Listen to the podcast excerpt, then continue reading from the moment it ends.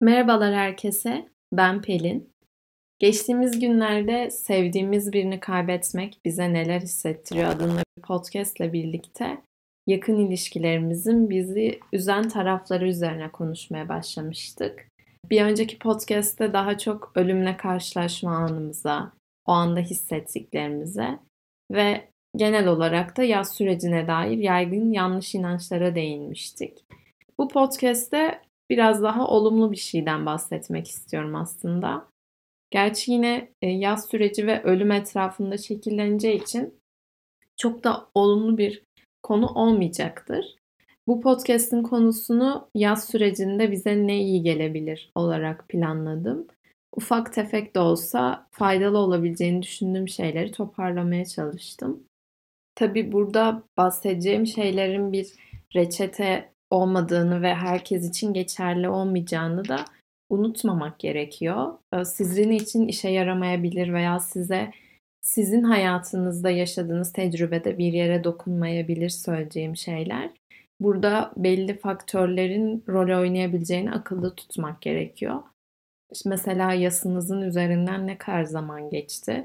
Çünkü takdir edersiniz ki bir haftalık bir ölümün üzerinden geçmiş zaman ve işte 6 ay ya da 1 sene sonrası eşit e, benzer tepkileri vermiyoruz aslında.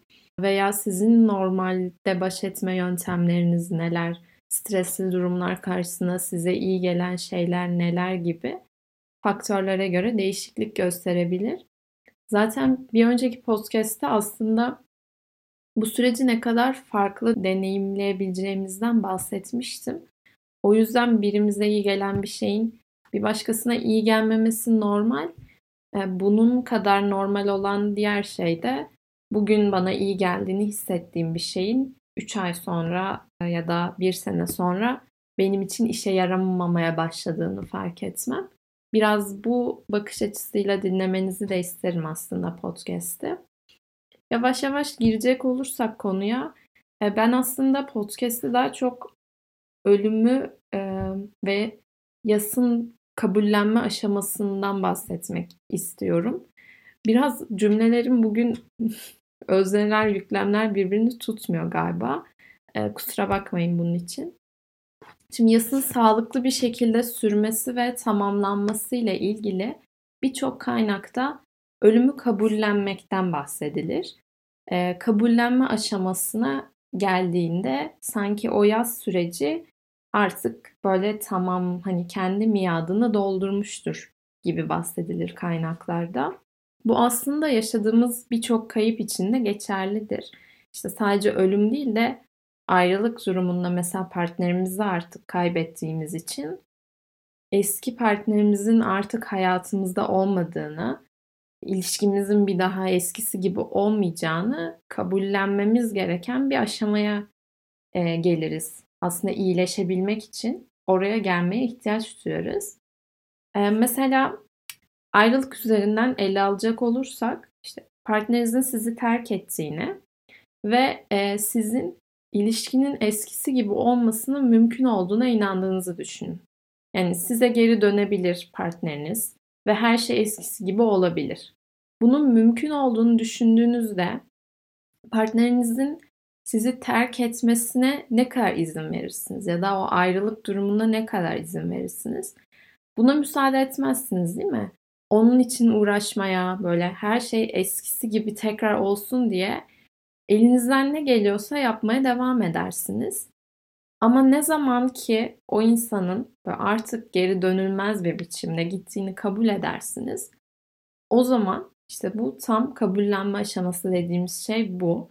Size de aslında iyileşmeniz ve hayatınıza devam etmeniz için kapı aralayan nokta orası oluyor. Bu insan gitti. Artık benim hayatımda yok diyebilmek. Sevdiğimiz birini kaybettiğimizde de bu ayrılık durumuna benzer bir şey geçerli aslında. Hem kaybımızın acısını yaşamak için kendimize izin vermemiz gerekiyor evet. Hem de bir noktada o kişinin artık hayatımızda olmadığını kabullenmemiz. Bu acıyı yaşama kısmından geçen podcast'te daha çok bahsetmiştik. Bu sefer biraz daha bu ikinci kısma odaklanıp kabullenmeye odaklanmak istiyorum. O insanın hayatında bir daha olmayacağını ve sonsuza kadar gittiğini kabullenmek. Şimdi bunu bu şekilde dile getirince bile yaşama kısmını geçiyorum. Sadece kelimelerle ifade edince bile aslında kendi zorluğunu ortaya koyuyor. Yani bu kelimeler benim için sanki havada asılı kalıyor gibi. Şimdi ölümü kabullenmek için bence önce kaybettiğimiz şeyin ne olduğunun farkına varmamız gerekiyor. Bu söylediklerimin hiçbirini de bu arada şimdi farkına varmamız gerekiyor diye söylüyorum ama işte bakın bunun yolu budur. Kabullen, iyileş gibi e, bir yerden söylemiyorum aslında. Bu insan benim için ne anlam ifade ediyordu? Bu sorunun cevabını bulmak hayatımızda böyle yakın olduğumuz insanlar için bu sorunun cevabını bulmak bile kolay değil. Böyle bir durup bir düşünmemiz gerekiyor. Bu insan hayatımda ne kadar yer kaplıyor diye. Kaldı ki o kişi artık hayatınızda değilse bu soruyu düşünmeye başladığınızda gelen cevaplar sizi belki de hiç işte düşünmek istemediğiniz, kaçtığınız böyle yüzleşmek istemediğiniz yerlere götürebilir. Çünkü ne anlam ifade ediyor sorusunu sorduğunuzda muhtemelen zaten yaz sürecindeyseniz çok fazla şey ifade ediyordur. Onların hepsi biraz daha acı çektirecek aslında size. Yani bu düşünme sürecine girmek, onun getirdikleriyle yüzleşmek hiç kolay olmayabilir. Bu yüzden kendinizi gerçekten rahat ve bunu yapmaya hazır hissettiğiniz bir anda bunları düşünmek ve sormaya başlamak da önemli. Peki Pelin, bu süreç bana acı vereceğini söylüyorsun bu sürecin. O zaman neden bu soruyu kendime soruyorum? Acı çekmek istemiyorum. Şimdi o insanın bizim için ne anlam ifade ettiğini bulmak neden önemli? Çünkü ancak bu şekilde neyi kaybettiğimizin farkına varabiliriz. Yani neyi kaybettiğimizi bilmeden bir şeyin yasını tutamayız. Ancak bu şekilde o kişini, o kişiyi kaybetmenin bize neler hissettirdiğinin farkına varabiliriz. Biraz acımasız ve can yakıcı bir süreç ama hayatımdan neler gitti? Benim neyin yasını tutmam gerekiyor? Biraz bunu bu farkındalık aslında bize hem yas tutma sürecini hem de kaybettiğimiz şeyi kabullenmenin kapısını aralıyor diye düşünüyorum.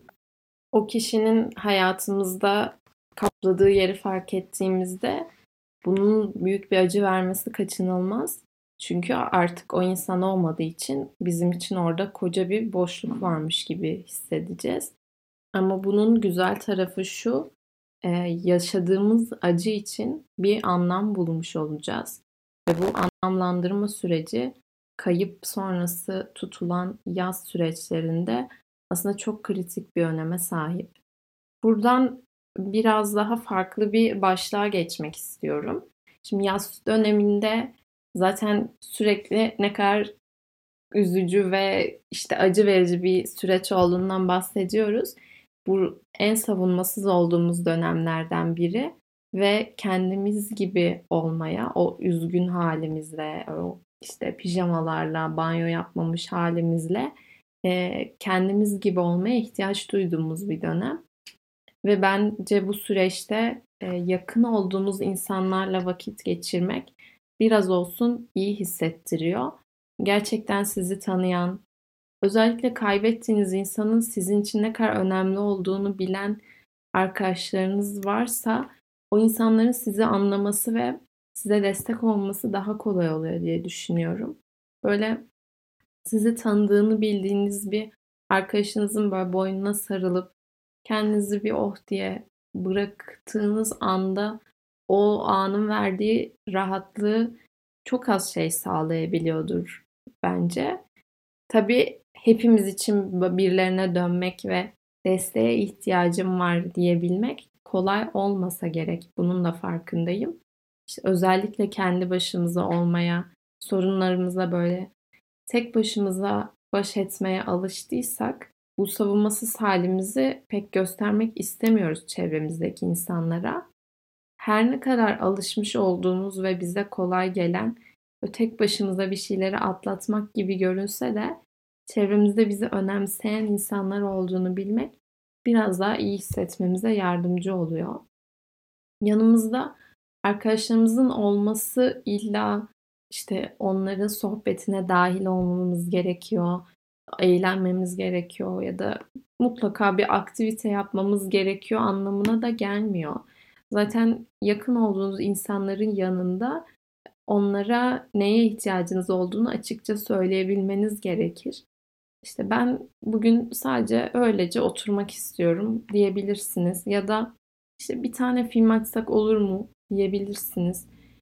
Belki kendinizi hazır hissettiğinizde kaybın sizin için ne anlam ifade ettiğini o insana anlatmayı deneyebilirsiniz. Bu da aslında değinmek istediğim başka bir başlık. Bunu kaybın ne anlam ifade ettiğini yaşa ya da hissettiklerinizi arkadaşınızla konuşarak yapmasanız bile önemli olan bir şekilde düşünceleri ve duyguları dışa vurmak, kendini ifade etmenin bir yolunu bulmak.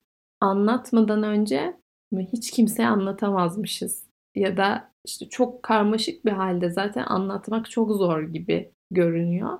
Fakat konuşmaya ve anlatmaya başladığımızda aslında e, böyle bir örgüyü sökmeye başlayınca gerisi çok kolay bir şekilde gelir ya.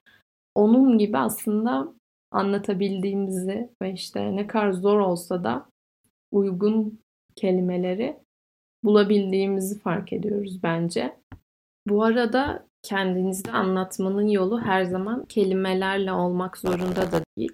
Eğer siz yazmayı, resmetmeyi seven bir insansanız duygularınızı o şekilde de dışa vur, vurabilirsiniz.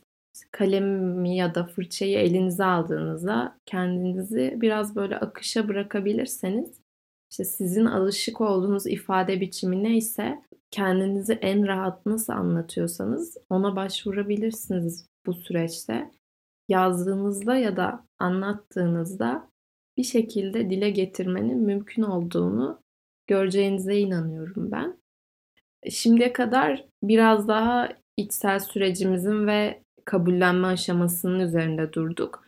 Bu süreçte faydası olabilecek başka birçok şey daha öneriliyor tabii ki. Kısaca birkaç şeye daha değinmek istiyorum bitirmeden. Mümkün olduğunca fiziksel sağlığa dikkat etmek, işte beslenmeye ve uykuya özen göstermek tavsiye ediliyor. İşte yani burada tabii fiziksel ve psikolojik sağlığın ne kadar birbiriyle ilişkili olduğunu ve ne kadar birbirini beslediğini unutmamamız gerekiyor bence. İşte mutsuzken içimizden daha çok uyumak geliyor. Yemek yemek işkenceye dönüşüyor. Ama uyumadıkça ya da düzgün beslenmedikçe de kendimizi daha iyi hissetmemiz de güçleşiyor tabii ki. İşte hareket etmek, kısa da olsa yürüyüşe çıkmak, çok basit temiz hava almak bile bize iyi geliyor. Bunun yanı sıra çok e, önemsenen noktalardan biri de eski hayata ve rutine tekrar dönmek. Tabii bunu da böyle bir anda işte okula gideyim, dışarı çıkayım, işlerimi de halledeyim, cilt bakımı da yapayım gibi bütün haliyle rutine dönmek bir anda olabilecek bir şey değil. İşte bir sabah atıyorum eskiden uyandığınız vakitte uyanırsınız. Bu bir adımdır. Veya işte uzaktayken okulda ya da işte kaçırdığınız şeyleri yakalamak için bir arkadaşınıza bir mesaj atarsınız, mail atarsınız. Hani neler oldu bu süreçte? Bana biraz anlatır mısın gibi. Bu gayet yeterli ve büyük bir adımdır. Yani yaz sürecinde ne kadar savunmasız olduğumuzdan bahsetmiştim az önce. O yüzden böyle küçük adımları da fark edebilmek, böyle biraz yeri geldiğinde kendi sırtımıza biraz böyle pat pat yapıp işte bugün bunu yaptım diye bunları fark edebilmek önemli. Biraz kendimize anlayış göstermek de önemli. Bu kadar kabullenmekten bahsetmişken son olarak kabullenmekle ilgili bir şey daha söyleyip kapamak istiyorum artık. Kabullenmek tamam artık ben iyileştim işte acım tamamen bitti üzülmüyorum artık demek değil. Daha çok aslında yeni durumla nasıl yaşayacağını, bu duruma hayatını nasıl adapte edeceğini öğrenmek ve uyum sağlayabilmekle ilgili. Artık yaşananların gerçekliğine direnmemek, olanları, neler oldu ve ben neler hissettim, neler hissediyorum bunları kabul etmekle ilgili. Fakat bu kabullenme hali de kabullenme aşamasına geldim bundan sonra üzülmeyeceğim anlamına gelmiyor. Bir ay sonra e, tekrar o kişinin bir fotoğrafını görebilirsiniz. Bir anısını görebilirsiniz. Tekrar ağlayabilirsiniz. Bunlar gayet doğal süreçler ve insana özgü davranışlar. E, bugünlük bu kadar sanırım. Umarım keyif almışsınızdır ya da hayatınıza dokunan noktalar olmuştur bu podcast'ten. Umarım faydasını görürsünüz. Ee, önümüzdeki günlerde başka bir podcast konusuyla devam ederiz diye düşünüyorum. Hoşçakalın, kendinize iyi bakın.